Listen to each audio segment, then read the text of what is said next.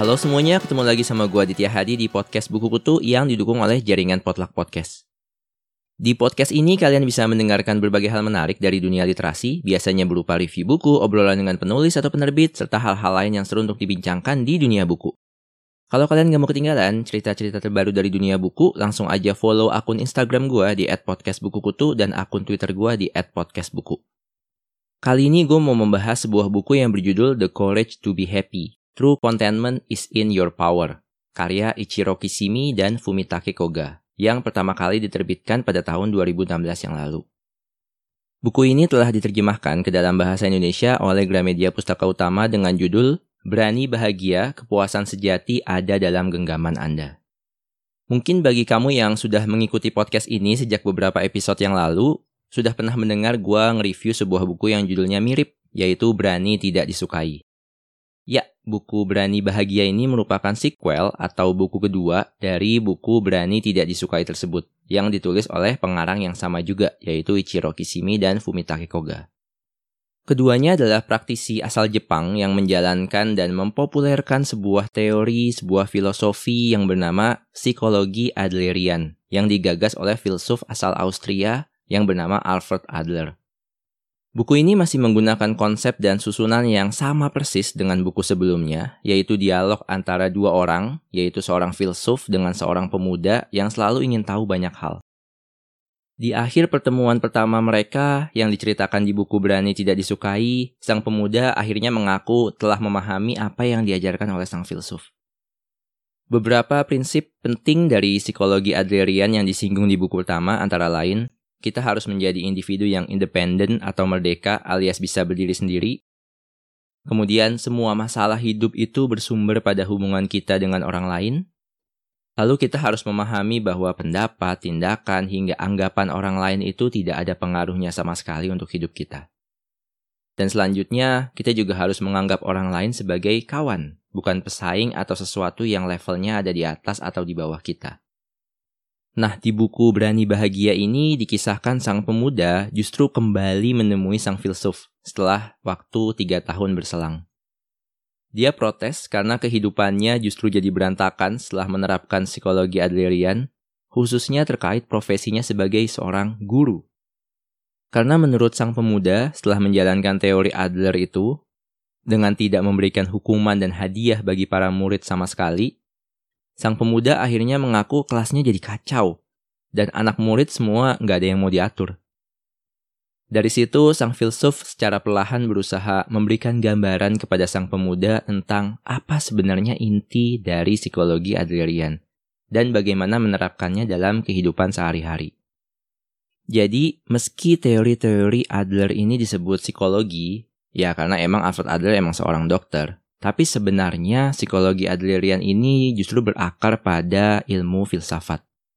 Karena itu ilmu ini butuh rasa percaya dari orang yang ingin mengimplementasikannya meski beda dengan agama karena nggak menawarkan cerita-cerita, surga, neraka, pahala, dosa, dan sebagainya. Setelah itu sang filsuf pun mengajak sang pemuda untuk memahami lebih dalam tentang bagaimana sebenarnya hubungan pemuda tersebut dengan para muridnya.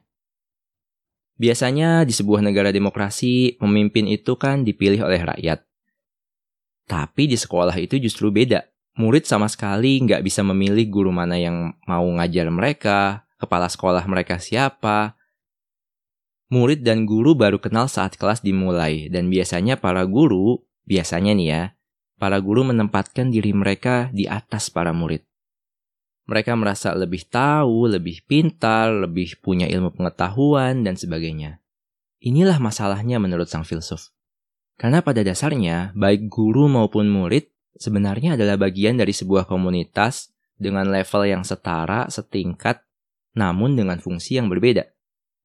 Karena itu yang harus dilakukan oleh seorang guru bukanlah bersikap otoriter, melainkan saling menghormati antara guru dan murid, berempati terhadap keinginan para murid, memahami apa yang mereka inginkan, mereka butuhkan, tidak tanda kutip memaksa untuk minta dihargai dan semacamnya, serta memahami betul bahwa tujuan pendidikan adalah mendorong kemandirian sang murid, bukannya memaksa mereka untuk mendapat nilai sekian, sekian, atau sekian. Sang filsuf menjelaskan bahwa bagaimana manusia ini sebenarnya makhluk yang lemah dan sejak zaman dulu nenek moyang kita sudah sadar akan hal itu.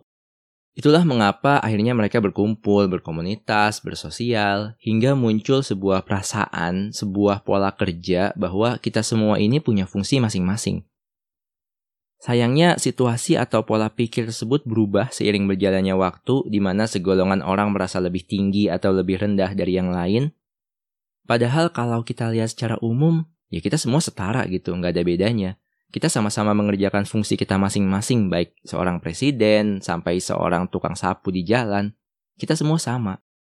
Karena itu kita harus kembali memahami bahwa tidak ada yang lebih tinggi dan lebih rendah di antara kita. Buku ini kemudian berlanjut ke masalah kemandirian kita sebagai manusia, yang turut menyinggung tema besar di buku pertama tentang tidak adanya pengaruh dari trauma di masa lalu terhadap kondisi kita di masa sekarang, menurut Adler. Dan bagaimana manusia itu cenderung memanipulasi keadaan saat ini demi meraih tujuan yang mereka inginkan dan menggunakan cerita masa lalu sebagai alasan. Contohnya, ada seorang anak yang ngaku takut gelap. Dia bisa begitu histeris kalau lampu dimatikan dan semacamnya, padahal sebenarnya dia bukan takut gelap. Ia hanya tidak ingin jauh dari sang ibu.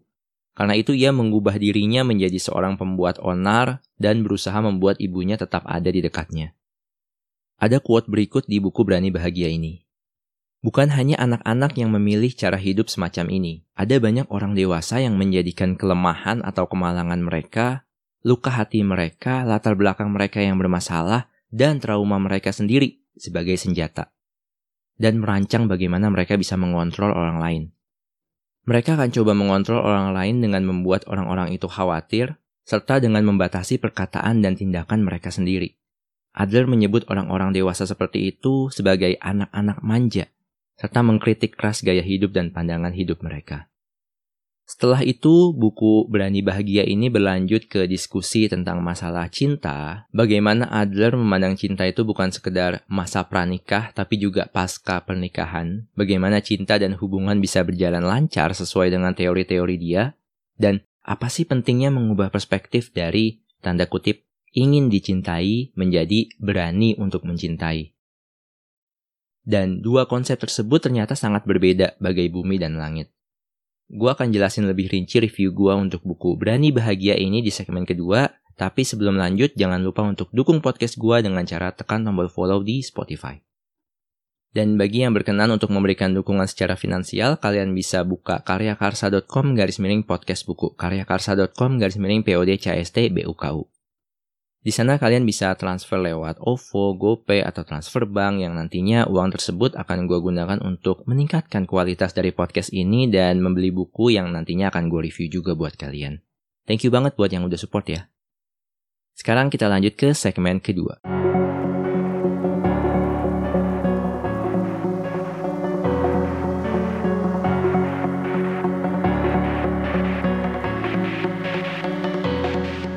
Untuk buku Berani Bahagia, Kepuasan Sejati ada dalam genggaman Anda, karya Ichiro Kishimi dan Fumita Kekoga ini, gue bisa ngasih 4 dari 5 bintang.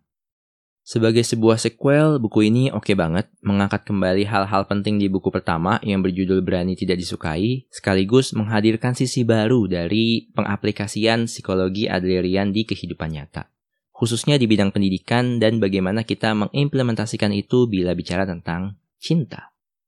Sangat disayangkan judul Berani Bahagia itu sebenarnya baru muncul di sepertiga akhir buku sehingga mungkin ada beberapa orang yang membaca buku ini karena suka dengan judulnya kemudian merasa kecewa karena wah kok di sepertiga awal aja cuma ngomongin soal pendidikan ya? Ini berani bahagia atau berani menjadi guru? Gitu.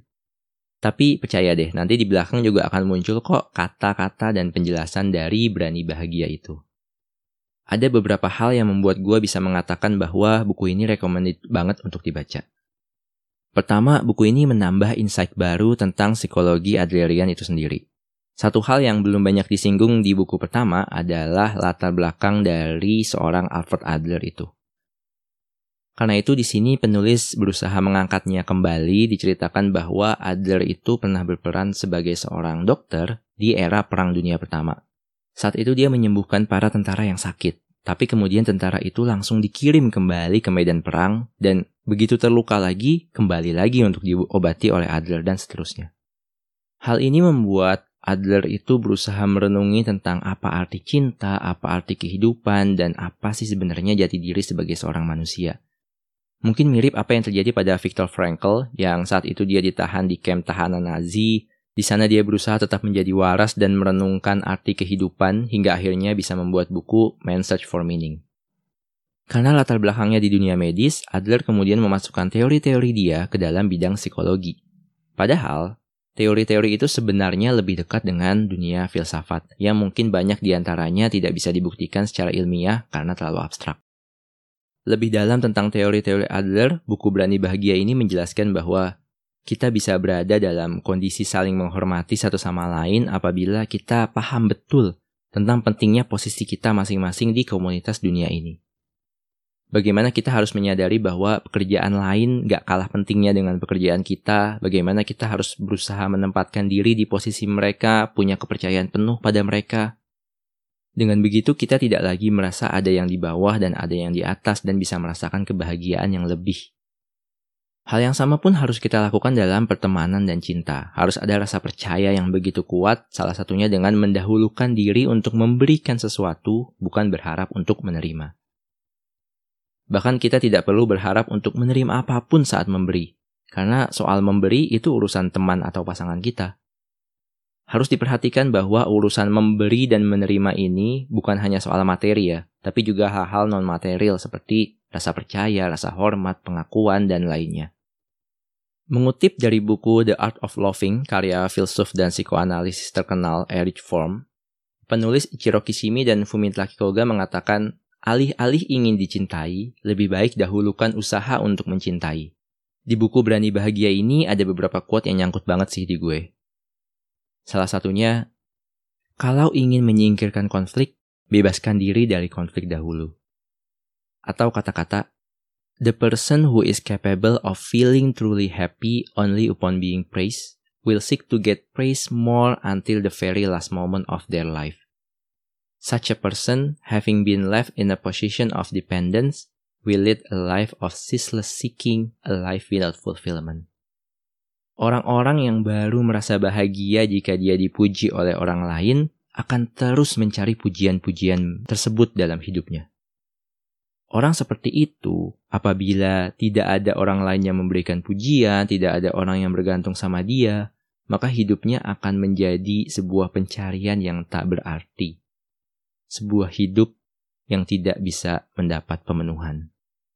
Selain insek-insek baru yang dihadirkan di buku ini, gue juga suka susunan di buku ini yang masih sama persis di buku pertama, bagaimana ada perbincangan antara dua orang yang menurut gue adalah salah satu cara terbaik untuk menjelaskan sebuah teori, sebuah filosofi yang memang sangat abstrak. Dan memang hal ini juga dilakukan oleh para filsuf zaman dulu seperti Socrates dan lainnya. Panjang setiap bab di buku ini pun tidak terlalu melelahkan. Satu bagian mungkin hanya terdiri dari 5-15 halaman dan di akhir bab, di akhir bagian, kita bisa berhenti sejenak untuk semacam menarik napas lalu merenungkan kembali apa yang baru kita baca. Ini menurut gue adalah hal yang bagus karena ini kan buku yang lumayan abstrak, lumayan rumit untuk dipahami. Jadi dengan jeda yang begitu sering antar bab, itu kita bisa lebih memahami, lebih merenungi apa yang baru saja kita baca.